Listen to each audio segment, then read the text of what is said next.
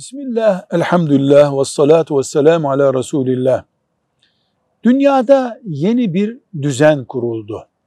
Son 30 senede yeni dünya düzeni diye bir sistem oluşturuldu. Bu sisteme Müslümanlar olarak sıcak bakamadık. Bakamayacağımız da belli.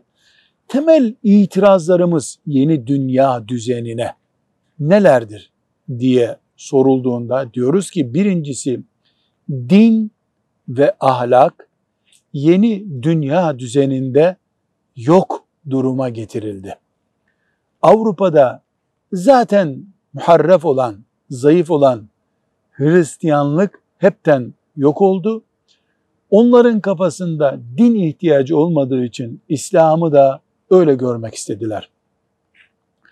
İkinci olarak ekonomik ve askeri güce sahip ülkelerin yanında olmak alternatifsiz durum haline geldi. Dolayısıyla bir Müslüman halk biz tek kalacağız, kendimiz yaşayacağız diyemez oldu. Üçüncü olarak da siyaset hem dünya siyaseti hem iç siyasette batının emrinde kalmak durumuna geldi. Dördüncü olarak Birleşmiş Milletler örgütü ve onun himayesindeki örgütler alternatifsiz gibi gösterildi. Alternatifin yolları kapatıldı.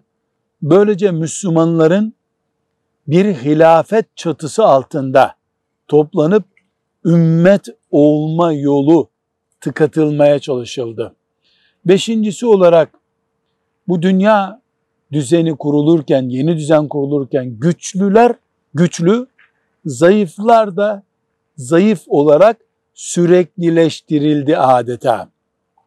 Altı, İsrail devleti, devletçiyi, ümmeti Muhammed'in yaşaması için sigorta durumuna getirildi. Bütün bunlar küfrün isteği şeytanın planlarıydı. Allah ne istiyor? Ne murad etti? Ve Müslümanlar neler yapabilir, yapacaklar? Önümüzdeki tarihte bunu gösterecek inşallah. Velhamdülillahi Rabbil Alemin.